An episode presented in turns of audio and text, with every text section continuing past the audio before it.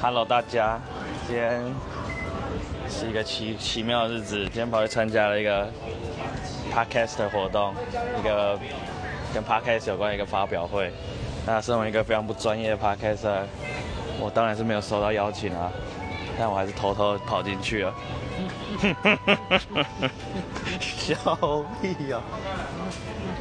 好，现在就是场面非常盛大，然后我好像没有吃到甜点，那甜点看起来超好吃的。还有 Janet，没错，Janet 也有去，那还有，反正很多厉害的人都有去了，帅哥，帅哥美女齐聚一堂，差不多就是这样啦。